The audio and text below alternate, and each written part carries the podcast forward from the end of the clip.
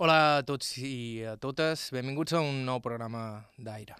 Avui som a Falanits, Mallorca, a una de les darreres cases del poble, sortint cap a Cas Concos. Ha plogut, així que és l'hora dels moscars. Ah, t'ha picat un? Què te pareix? No, et dic que són putes aquests. No, ja ho sé, ja són putes aquests cabrons. Bé, el que vulguis. Au. Vale. Aquest que sentiu és Andreu Maimó. Ell no és com els personatges que entrevistam habitualment per aquí. Pels nostres estàndards, ell és famós, entre comates. I és que en Andreu Maimó, com alguns sabreu, és pintor, i dels bons. Jo ara ja m'ho començo a dir que som pintor. Jo som pintor i gravador, i llavors faig ceràmica i ho faig com a complement, no? com una cosa que m'agrada. El que passa és que la ceràmica t'enganxa molt, igual que el gravat. Són coses que t'enganxen i la ceràmica se ven menys, no sé per què. No sé si és perquè la gent encara eh, pensa en aquella ceràmica popular, que, que, que, que és molt important i a mi m'agrada moltíssim, de les de ses olles, de les gerres, xiurell, i troba que si li demanen eh, més de 30 euros quan va una olla, tot allà on dic batuer, i no està bé, que... I clar, jo li costa més, no? Es costa més. Jo te, te parlo del nostre nivell, no? No del nivell dels, dels grans, que els grans aquests, pues, la seva boca en mesura, no? O els marxants. Parlo de gent normal com nosaltres, no? A més de ser pintor, Andreu Maimó també és una d'aquelles persones en qui dona gust parlar. Un pintor que s'hi ha convertit a base de feina i que ara, amb 71 anys, gaudeix del respecte generalitzat, tot i que se l'ha hagut de guanyar. Això és com... com jo crec, crec que era en Picasso un pic de. I com va això? Diu, això va, feina, feina i feina. I ja està. És a dir, s- es, es fer feina, de la feina surten les coses. I es ve que hi ha una tendència avui en dia, a, a, perquè és un negoci, això de ser un gran negoci, a, a, que, a crear molt d'ídols i molt de número uns i tot, i tot és bo. I no és vera això tampoc. Hi ha coses bones, coses extraordinàries i coses no tan bones del mateix pintor, del mateix artista. Però, com li diràs a un senyor, tu, que això no és bo, i n'hi vol cobrar, i, i n'hi vol cobrar 200 milions d'euros, o més, no li pot dir això, és a dir que, clar, eh, per lo que dit, que aquesta dualitat, això de dir, quan se mescla el negoci, és mal assumpte, això, és un mal assumpte, jo crec que és un mal assumpte. Andreu Maimó és també un exemple d'una mena de pintor que només podria existir a Falanits i en aquella generació, fills de pares pagesos, que de sobte van veure com naixien noves possibilitats i que podien ser qualsevol cosa, fins i tot artista. Avui a Aire, amb Moscars o sense, sentirem la veu d'Andreu Maimó parlant-nos d'art, de la Guerra Civil, de Figueres i d'accidents creatius que esdevenen petits miracles. I de feina, feina i feina. Feina, feina i feina. Això és Aire, a IB3 Ràdio, us parla Joan Cabot, començam.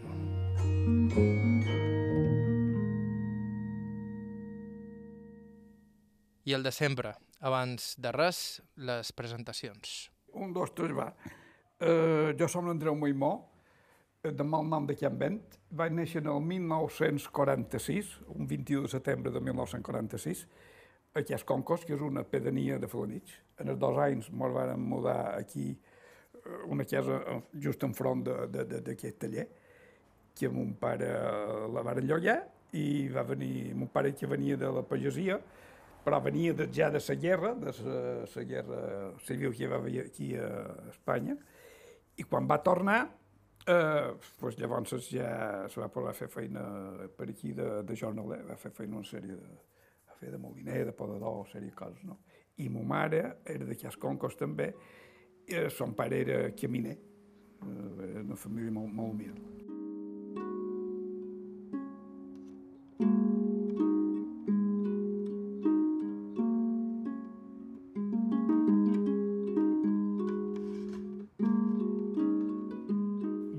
Pare, eh, resulta que mon pare eh, eren, eh, quan va estallar el moviment, mon pare eren amitgers de la finca d'Espotecari Barceló, que era el bal republicà, que va haver de fugir perquè no el matassin, no? Va fugir amb una barca cap a Uger, llavors ja no sé on se va anar.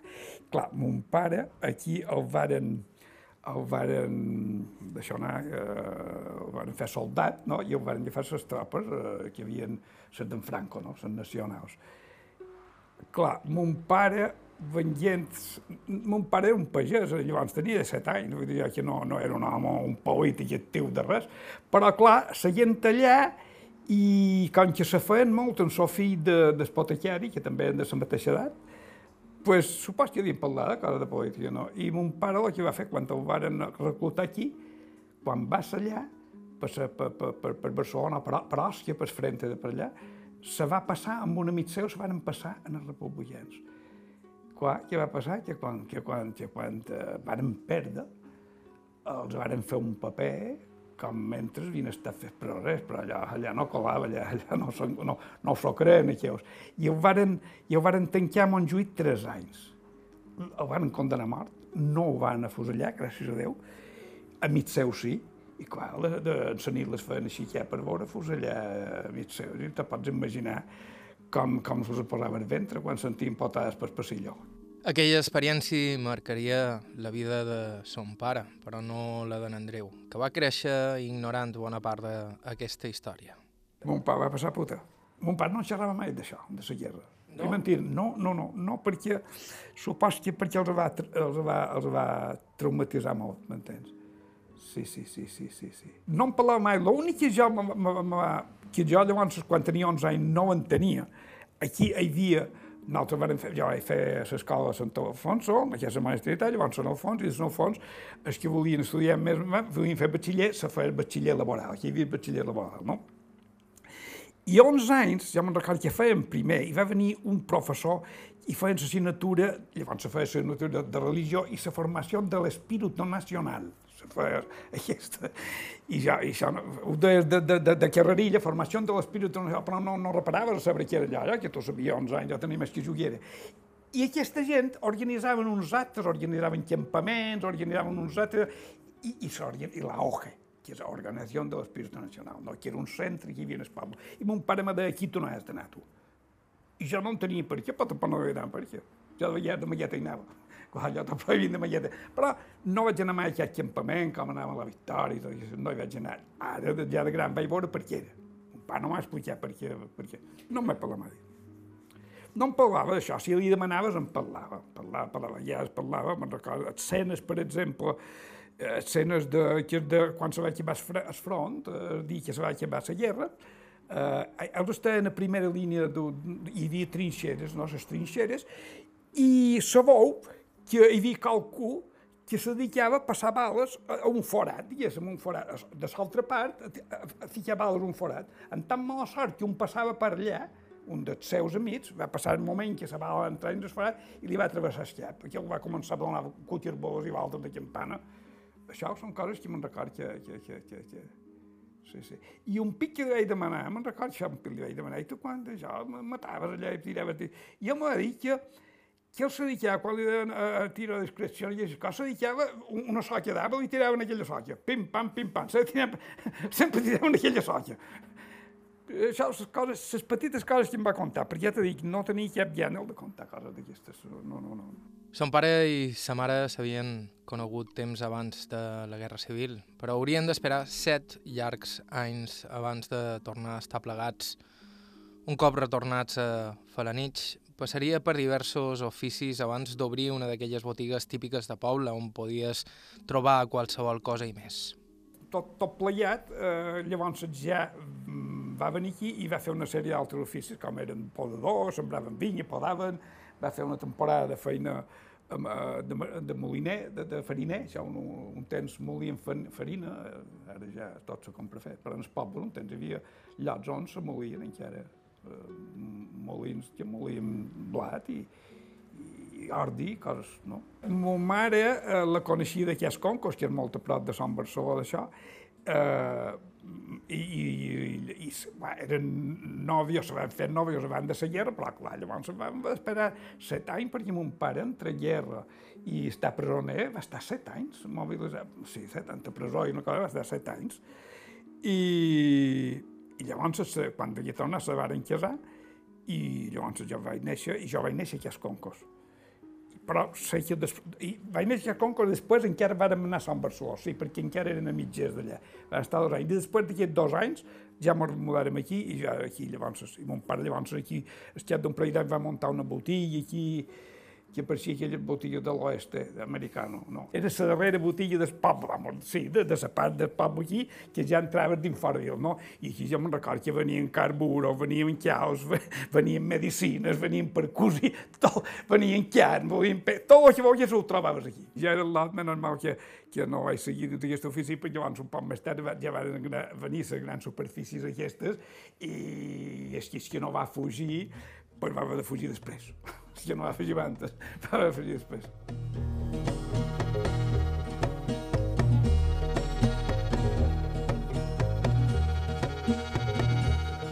N'Andreu no volia ser botiguer, com son pare.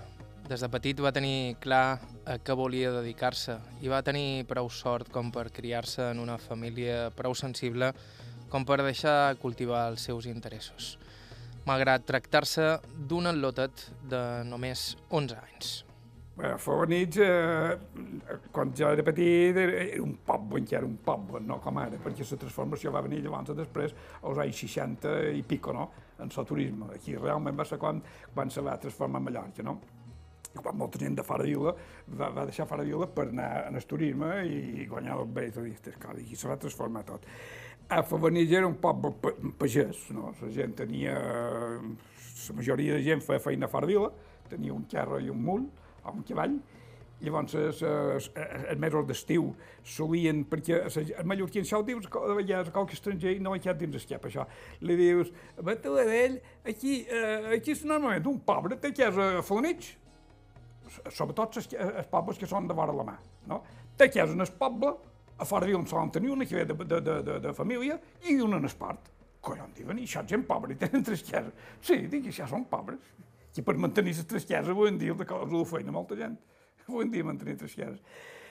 I era un poble alegre, en el sentit de dir, bueno, per, per, per, del lat sempre és alegre, jugar, ja, ja era molt jugueta, m'agradava jugar, no estudiava mai, només jugava, jugava a futbol, i i, i vam tenir la sort de que teníem un professor, quan vam fer primer de, de, eh, de batxiller, va venir un professor nou, eh, de per Andalusia, i era l'Antoni Lucas, un tio que dibuixava molt bé. No era un home que llavors se dediqués a pintar, no va tenir ambició d'evolucionar de, i tot això, però com a professor sí que era bo.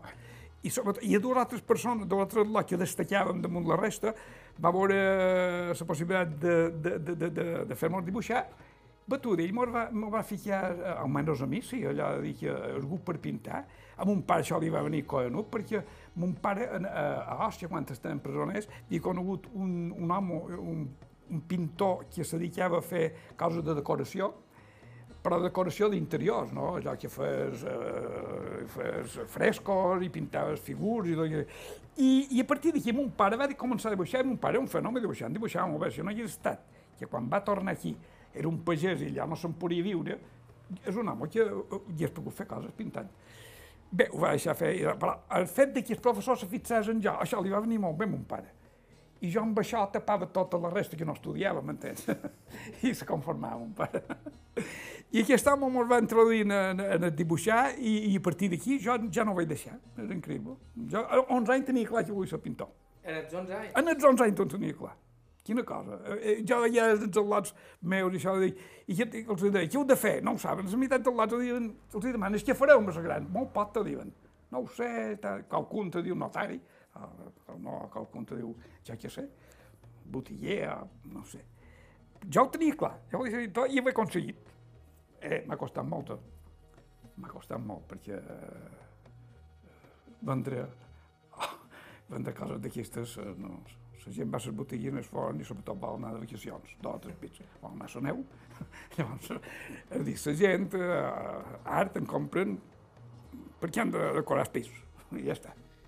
Així mateix, Andreu Maimó va acabar el batxillerat i fins i tot va intentar entrar a Belles Arts a la Universitat de Barcelona. Suspendria aquell examen i va tornar cap a Mallorca, però no va abandonar mai la seva dèria de ser pintor. Sí, vaig fer que no ho volia fer, però vaig fer batxiller i ho vaig arribar a provar. Per, perquè ja era un mal estudiant. Jo me'n recordo que de 11 assignatures, un any em vaig dur un mes set de suspeses. Això són moltes, eh? d'onze, set de suspeses. Vol dir que, això ja vol dir que jo no, no esdevendria un, un intel·lectual, no, no tenia cap interès, jo jugava, i l'única cosa que m'agradava era pintar. Això sí, la història i pintar, això sí que m'agradava. Acaba el batxiller, eh, i llavors mm, vaig anar a fer servici, perquè jo volia anar, que no, no sentit dir sortir, va t'ho dir. Vaig anar a Sant Banya, vaig fer servici, quan eh, vaig fer acabat servici, no sé si era després o antes de servici, vaig fer un intent d'anar a la Universitat de Barcelona a fer Belles Arts i me van suspendre i m'han posat no apto. vaig dir, tu, tu, això sí que no apto vol dir no serveixes per això, això és fotuta. Bé, total, que vaig tornar aquí també ben emprenyat i vaig seguint la meva, no? Vaig freir i tal, i pintant i tal i qual. I, bueno, al final vaig saber per què, que no m'he importat tot, perquè te donaven un paper gros, jo ho d'omplir tot, i ja vaig fer el, paper, el vaig fer un dibuixet molt curat, molt bé, eh, al mig, però no, he vist d'omplir tot el paper segur, no? Perquè jo veia gent que feia uns traços molt, molt bestials, i que tot hi era entrar, però crec que al final va ser una sort no entraré jo, a mi m'han passat moltes coses que en el moment he pensat quina desgràcia, quina putada, i al final ha estat un bé. Això havia de ser, que havia de ser així, m'entens? Jo penso molt que les coses, quan han de ser són, i si no són, ja pot fer, no? anar contra corrent a tot. I les coses serien. En uns segons ho escoltam. Estau sentint aire, això és IB3 Ràdio, fem una petita pausa i continuem.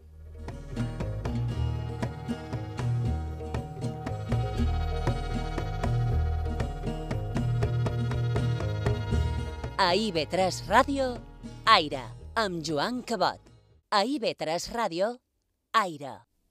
Hola de nou, avui aquí a Aire, aquest espai setmanal dedicat a la memòria oral de les nostres illes, estem conversant amb el pintor Andreu Maimó a la terrassa del seu taller a Falanich. Fa uns instants sentíem com ens parlava de son pare, de com el varen empresonar després de la Guerra Civil i com aquell home que quan era soldat al bàndol republicà disparava les soques per no ferir ningú, a la presó s'entretenia fent dibuixos. Llavors és mon pare, aquest, aquest senyor. I aquest li va fer aquest home que té Jimena. Llavors és el pintor que va conèixer a la guerra. I aquest retrat li va fer... Ell? Ah, ja també, li va fer ell allà. Ja t'he mostrat coses de mon pare i veuràs si en sabia o no en sabia. I això són autoretrats. Autoretrats. Ja te mostraré lo de, de, de, de mon pare i veuràs si en sabies, puta. Si està preparat o no està preparat. Llavors, això és fet de mon pare quan està, quan està a la presó. Eh, això és la presó. Això és la presó. Això és, això és la presó. Veus? Això, això, mon pare és aquí el que pinta i, i, i l'altre és seu. Això és la presó, que era un local que havien adaptat com a presó, diguéssim, no? Això devia ser... Bé, va. Bé, això, tot això de mon pare, que t'apareix.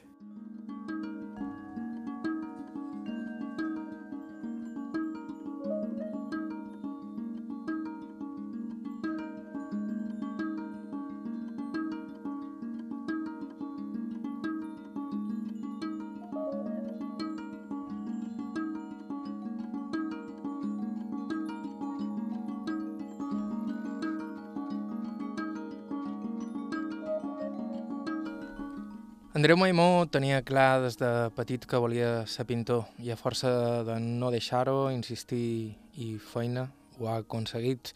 Als seus 71 anys és un pintor reconegut, pot ser no de primeríssima línia, com aquell altre falanitxer, Miquel Barceló, però sí prou important com per ser un nom de pes dins l'art mallorquí.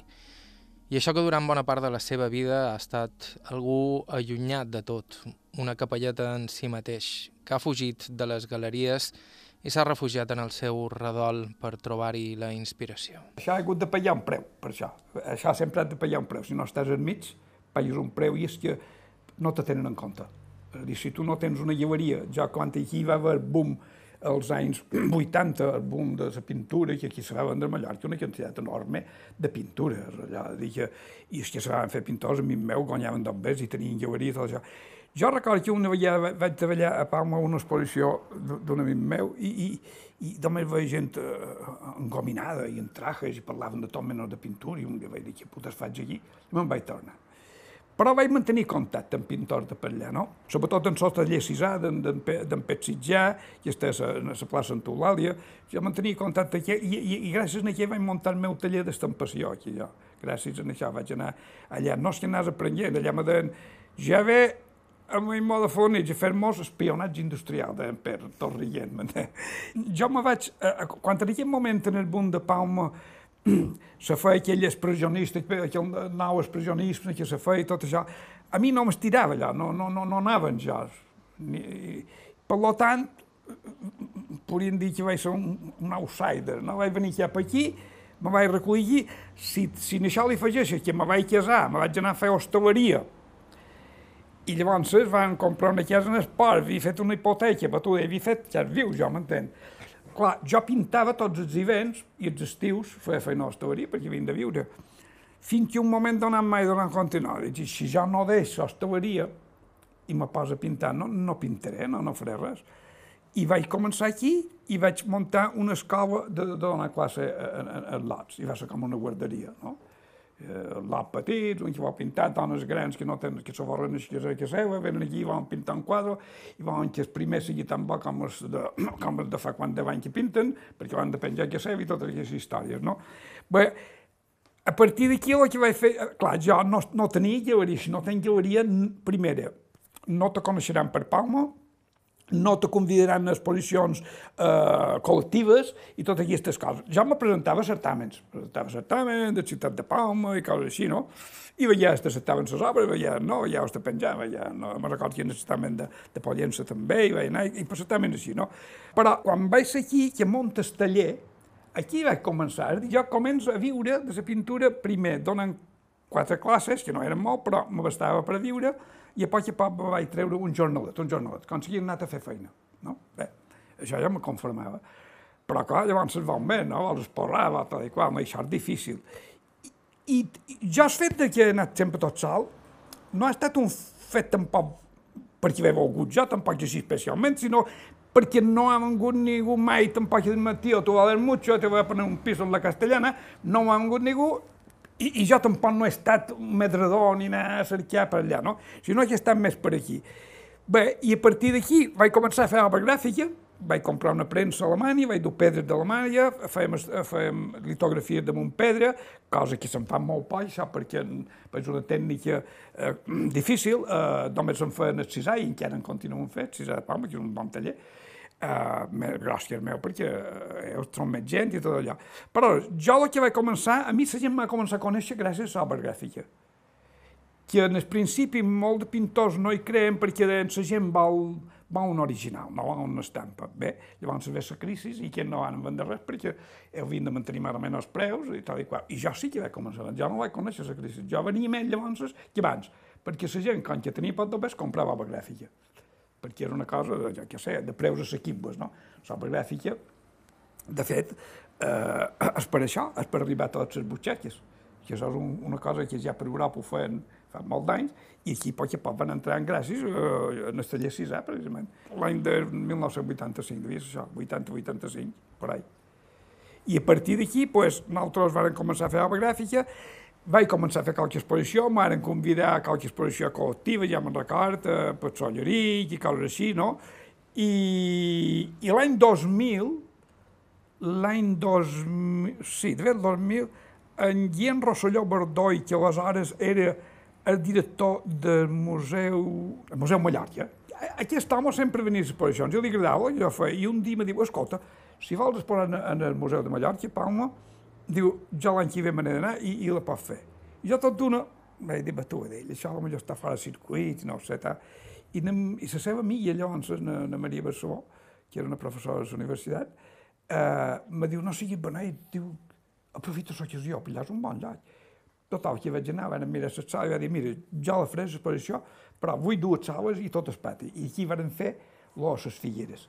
Van fer mm, mm, ceràmica, ceràmica, eh, que jo, la ceràmica aquesta, me va ajudar eh, Ana Maria Ramis, que era una ceramista d'aquí de Falanits, eh, perquè jo de, de ceràmica no tenia idea de, de la tècnica. Sabia el que volia fer, però no tenia, però sobretot el varen caure que seva, eh, els vernissos que ja sabia el que volia, el color, però no el sabia fer, i ella, amb una sèrie de vernissos que, te, que, que ell havia pres també, suposa, qualque cursa que havia fet això, amb una paraula, va ser una gran ajuda. Feins, feia fer l'exposició aquesta, això va ser un altre després, perquè a partir d'aquí ja se me va començar a tenir en compte a fer-te una miqueta en sèrio. Un dia aquí, eh, un amic meu que ja és mort, que era Miguel, en, en Miquel Barceló eh, Parelló, que era un professor de la, de la Universitat de Bellaterra, era un home que, que estava operat aquí d'Escall, era un gran intel·lectual i tot això, i aquest home se va acostar a la meva obra. Li va interessar i, i, i va fer un reportatge en el país de les meves coses. A partir d'aquí, un, uh, uh, perquè jo pres li havia mostrat obra en Frontera, a Palma, als anys, ja que sé, potser als anys 80 o 80, sí, o 90, i no li va interessar. I, i, i m'ho va dir. jo venir cap aquí en la colma i de les llames emprenyat, però, però ja de fer, però allà de deixar-ho vaig dir, no, ho he de fer, fer feina. Igualment, sí, si ho fem millor. I al cap de 20 anys, aquest en Miquel, en Miquel Bassó però aquest, que el divendres sant solia tornar un, un el divendres sant, que, que el dijuní, pues el tornava un mes. I, per tot ja de tothom.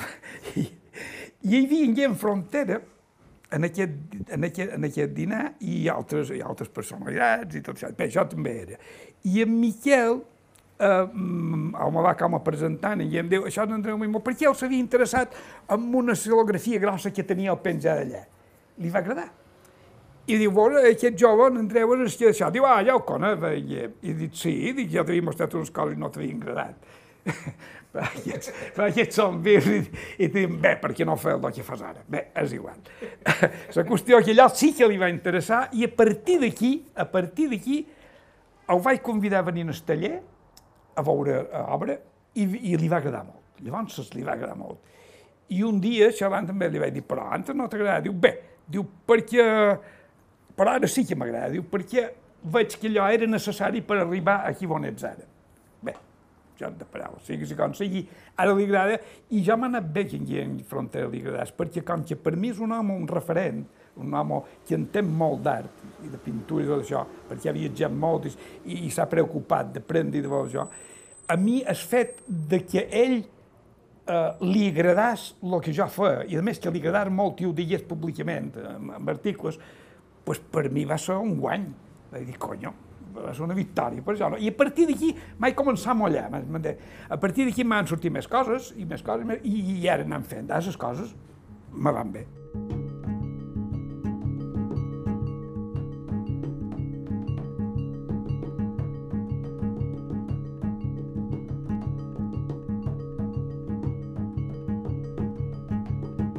La complicitat amb Guillem Frontera ha estat important, però també i sobretot haver optat per distanciar-se del món i cercar la inspiració en el que tenia més a prop. De fet, algunes de les seves obres més importants i conegudes prenen com a motiu les figueres o les fruites podrides caigudes dels arbres. Coses que pots trobar-te sense esforç fent una volta pel camp de la contrada. Jo vaig començar fent, eh, com t'he dit, eh, jo vaig començar eh, fent paisatge, anava per fora vila i tot això. Llavors vaig, vaig voler vaig voler fer una cosa més, més esquemàtica, vaig fer una, una, una temporada de, de, de com una cosa quasi abstracta, i llavors vaig veure que això no m'ho duia lloc, tampoc. I vaig començar, i vaig estar set anys sense esposar, vaig anar per fora jo, vaig aconseguir això que t'he dit jo, de trobar, vaig trobar les figueres, m'ha interessat, vaig fer com un monogràfic de les figueres, això va interessar, d'aquí me va sortir una feina que me van encomanar per Binissalem, eh, per veure si podia fer un estudi sobre el que havia fet en la figuera de Montsevinya, ho vaig fer, va ser una cosa que també m'ha portat més idees, llavors que segurament si no m'hagués encomanat jo millor no hi hagués anat per allà, però una cosa mal i l'altra. Ara jo el que faig és obra gràfica en tamany grossos i tamany més petits, no? Llavors es faig olis gros, a, a diversos tamanys i, i ceràmica. I amb, I amb aquestes tres coses complementen les exposicions.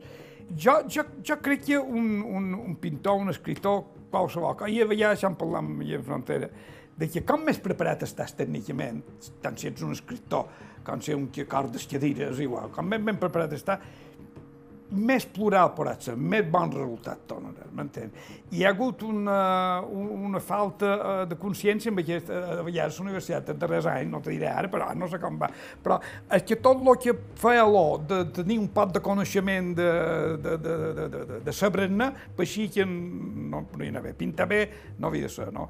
Jo no he cregut mai, amb això jo crec que, que, que la història de l'art és anar damunt el coneixement que hi ha, vas, vas, pujant i, vas, i naturalment va donant voltes, un moment va donant voltes, no?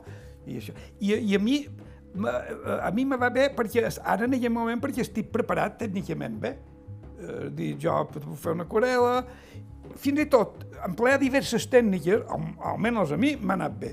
Tu dones idees per les altres. Jo fent aquarela me donava idees per Sali van fer la per una altra cosa. La ceràmica me dona idees, a vegades, per... per, per, per a, a, l'obra gràfica, a quan queda estampat, dius, joder, això podria anar bé, uh, aquestes tatxes en un quadre... És a dir, una cosa t'ajuda a l'altra, i sobretot, quan fas feina, és quan te venen les idees. Eh, m'entens? Almenys a mi. Quan fa, diu, cony, a vegades, per, per, per puta casualitat, diu, coi, això, i això pot anar bé. Clar, llavors allò ha de fer feina allà, no, no es tracta de dir ara vinga, no, es va ser... I sobretot, jo el que crec és que la feina, eh, avui passa una cosa, i és que tot va tan ràpid, tot va tan ràpid. I clar, i l'art també va molt ràpid ara, molta gent. En el meu cas no, jo no m'he no deixat anar per aquest atropellament.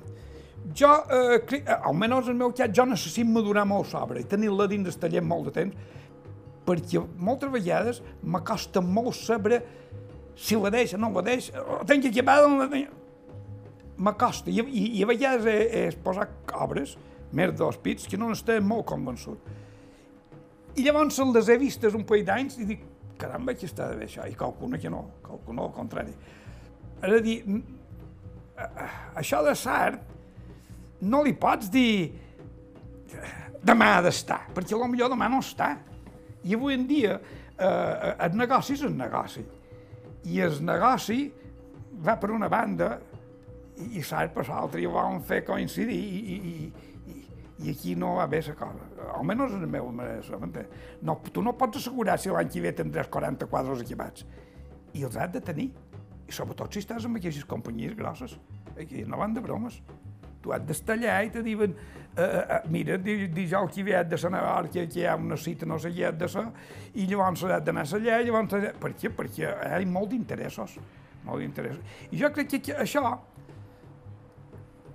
l'interès i l'art, pues, i només no quadra això, no quadra. Es ve que, uh, que, que sense només l'art no funcionaria tampoc, perquè l'art s'ha de vendre el pintor ha de guanyar dos veus. Un temps hi havia aquelles famílies com els Medici i tots aquells, que, que eren aquesta gent que posaven els pintors, i llavors per França també els tenien per què ser, aquelles famílies nobles, no?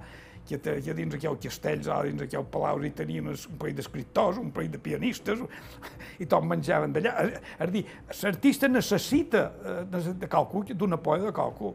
Si no el té, eh, ho passa puta. S'ha de cercar una feina alternativa, això, això és el que fa. Jo ho vaig fent, això.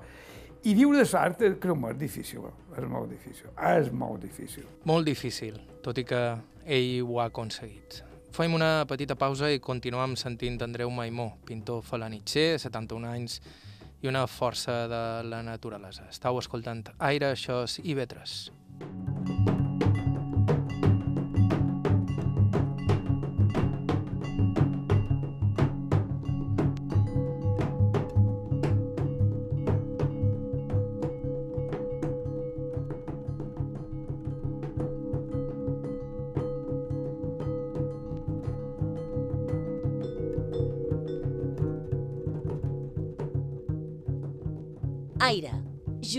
Cabot.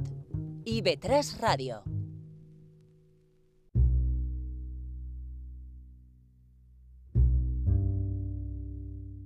A IB3 Ràdio, Aire.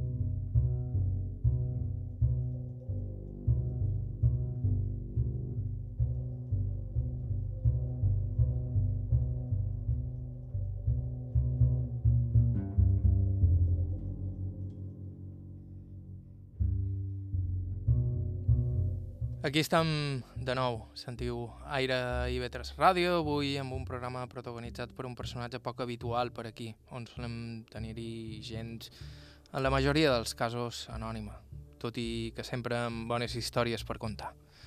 El nostre protagonista d'avui conta bones històries, però anònim no ho és del tot. Es tracta d'Andreu Maimó, pintor de Falanich, a qui vàrem entrevistar fa uns dies al seu taller, situat al que era la casa dels seus pares i amb totes les estances ara atestades de quadres, escultures, litografies, premses i materials de tota mena. De fet, n'Andreu ens passeja per tota la casa mostrant-nos alguns dels seus tresors, com el primer quadre que va pintar amb només 11 anyats. Bueno, bueno, i aquí... Mira, això és el primer quadre que vaig pintar jo amb el professor, quan tenia 11 anys. Què te pareix? Això és el primer quadre que vas pintar? Sí, quan jo tenia 11 anys. Si mires, veuràs que sabeu, bueno, sabeu, jo, jo per aquí ho sé també, un, un que no ho sap, no ho sap, però... Veus això, per exemple, tot això és fet meu, per això que està més mal fet. Però, fixa't que hi ha un parell de cots que són fets seus, del mestre que se noten, per exemple, aquells cots són fets seus. Aquell, aquesta pinzellada no és feta d'11 anys, ni aquesta, per exemple. Ho veus? Aquesta i aquestes són fetes seves, tot el més és fet meu. Ja tenia 11 anys. I a partir d'aquí pues, no m'he durat de fer com, com una moto. Aquí també hi pint, veus? Jo ara faig feina aquí dins. En aquest gabinet petit. Jo estic fent feina quasi sempre. Uh, 10 a 12, 10 a 12 quadros marxa, doncs. Hi ha unes coses petites, veus, que li vaig fent feina, vaig fent feina, vaig fent feina. Uh, aquí tenim... Això són els meus netets, que ja els he fet un, que els estic fent un retrat, veus? Ara, per exemple, això són les fruites mortes, que és que els vol per allà, les vostres fruites mortes. Doncs pues el seu procés i vas fent, no m'entens? Però això no ho fas en un dia, perquè en un dia, te, te, va, un dia seguit t'avorreries moltíssim. Aposta ja l'ardeix, també quan estic una mica saturat, que ja dius, no, no sé, que envia un altre tema. I llavors se m'hi un posar, llavors m'hi un posar, i sempre entenc, ja t'he dit, 7 a 8 o més de començat de quadres, veus? Això són quadres començats, veus? Tot això són quadres començats, i d'aquest llavors en farem grossos també, perquè això és una altra manera de fer feina. Tu fas molta feina en petit, però llavors els que vol que tenen que, que dius, no, això, això pot... Això, això, el mateix t'ho demanes, quadre, diu, això vol que tingui un format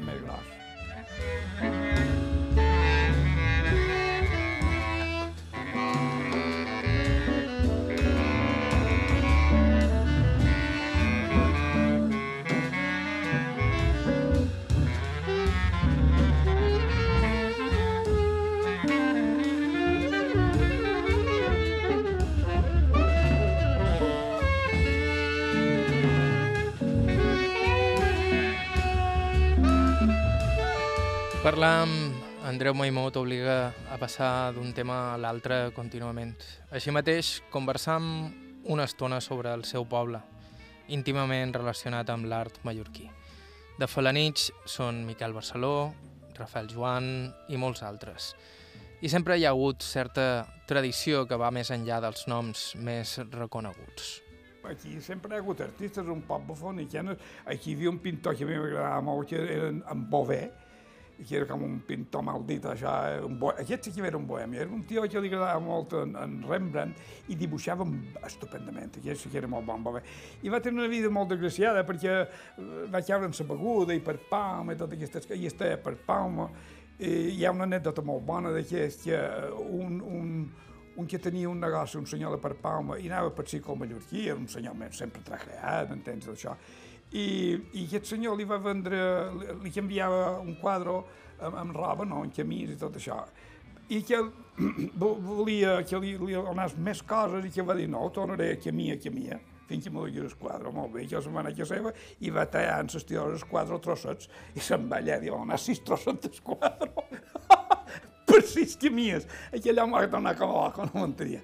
Bé, a part d'això, com t'he dit, a Fonitja hi ha molt, eh, una quantitat enorme de pintors, m'entens? Fins i tot sortir en Barcelona, que és el més, que és el més significatiu, no? que, que té un poder extraordinari, i, i llavors altres pintors, hi ha en Rafael Joan, i molts altres, i altres que n'hi ha...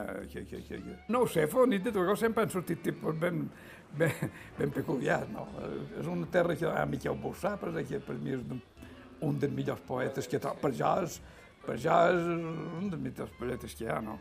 I és un poble que no sé per què, però deu ser perquè n'hi ha molts i, i, i això en fan sortir més, no ho sé. Tenen en compte que aquí a la nit, en els anys eh, 50 i tot això, ja s'organitzava una exposició boníssimes. Jo me'n recordo que venia, eh, venien per aquí en Xam, i venien en, en, en, en Matías, que, que, que és en Xam, llavors venia en Bové, que també va exposar, en Pau Fornés, eh, en Ramon Nadal, que era un paisatgista amb espato, que era, era un senyor que, que quan està en Llebrés, per exemple, en Miquel Llebrés, que això eren gent que venien una, una borrada.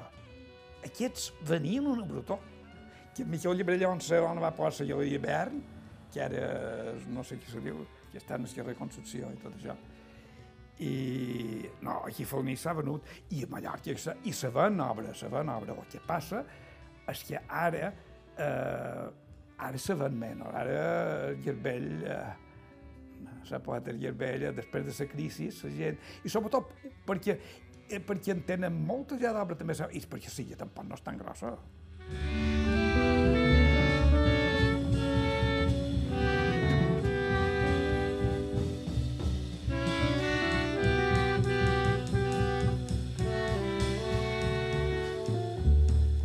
D'entre tots aquests noms que ha citat, n'Andreu Maimó destaca per diverses coses.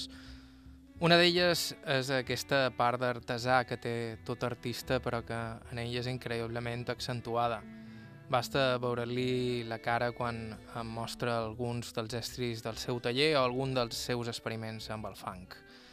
L'altre, que va ser un artista d'eclosió tardana, de fet, durant anys va treballar en l'hostaleria i altres oficis més convencionals abans de deixar-ho tot per dedicar-se a pintar. De l'hostaleria jo eh, eh, hi vaig entrar perquè un amic meu, que havia anat, havia fet batxiller mm, plegats, que és Mateu Marilla, el son pare tenia un hotelet que el havien fet damunt uns xalets. Uh, havien comprat uns seis xalets, ho havien juntat a primera línia de maig, se desostava a Paraíso.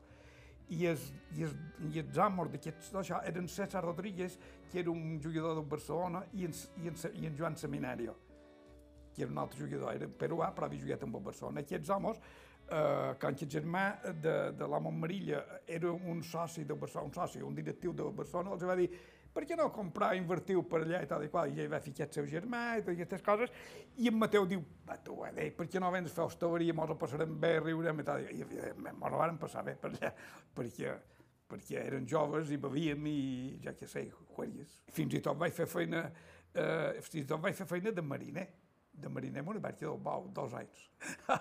sí, sí, s'engronsen molt dins una barca del bou, s'engronsen molt i a mi no m'agrada gent. El que passa que eh, sí que per si ven també per guanyar qualque cosa, però vamos, vaig tornar a l'hostaleria perquè m'és divertit i no me'l marejaven tant.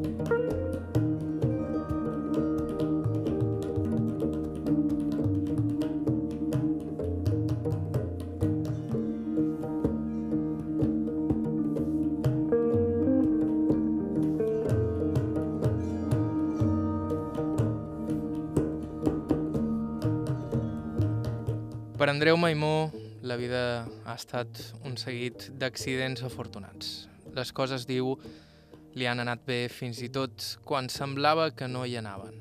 La cosa, sobretot, és tenir paciència i perseverar. I jo, moltes coses que m'han passat, el fet de, per exemple, hi ha frontera que parlàvem, el fet de que no acceptàs tot allò, segurament ja potser hi has seguit una línia que no hi has fet, i, i no m'hi vingut aquí a fer feina 20 anys tot sol, fins que vaig arri arribar a... Tro... Jo, jo volia fer una pintura personal, no volia anar a res ningú, no... Vinga, provar, i no trobava res. Al final, tot això va fer que jo a, a, a dins del terme de Fonit trobes un tema que m'agrada, que és en contacte amb la natura, allà on he tot el meu, tot el meu repertori. I això segurament no ho hi has trobat. I segurament si has trobat una llibreria i has començat a vendre, segurament tampoc no hi ha arribat aquí perquè hi has venut allà i has continuat, les llibreries intenten que tu facis el que se ven. Normal, no? Eh, volen guanyar un top més. I tot el que m'apareixia que havia estat una desgràcia, al final reconec que ha estat bé per jo també per jo, perquè he trobat un llenguatge que te pot o no agradar, però el meu, aquest llenguatge no l'he... No, home, sempre té influència en pintors, no, no hem de saber ells. Però és molt personal, un llenguatge personal, i que ara mm, tinc una quantitat de, de, de feina pendent per fer i d'idees que, que no tindré temps de, de fer-les, m'entens? Perquè, perquè jo, jo treballo molt, eh? som un corrent de, de cuidar. Jo ara, per exemple, tenc 71 anys, però ja faig més feina, quan en tenia 20. Jo m'he coltat, jo vaig fent fins a veure dues i mitja o tres cada dia, i veia més tard, però lo seu, dues i mitja, tres. Jo me colco a les tres cada dia, no, i veia a les cinc, però no, lo normal, dues i mitja, tres. I m'aixeco a les onze, llavors eh, faig quatre compres, passeig esquiar, dins, i ja em posen a fer feina, i ja fins a dues o tres. Estic, són moltes hores faig temporades que feim més obra gràfica, temporades que feim ceràmica, temporades que, que, que feim més originals i tot això.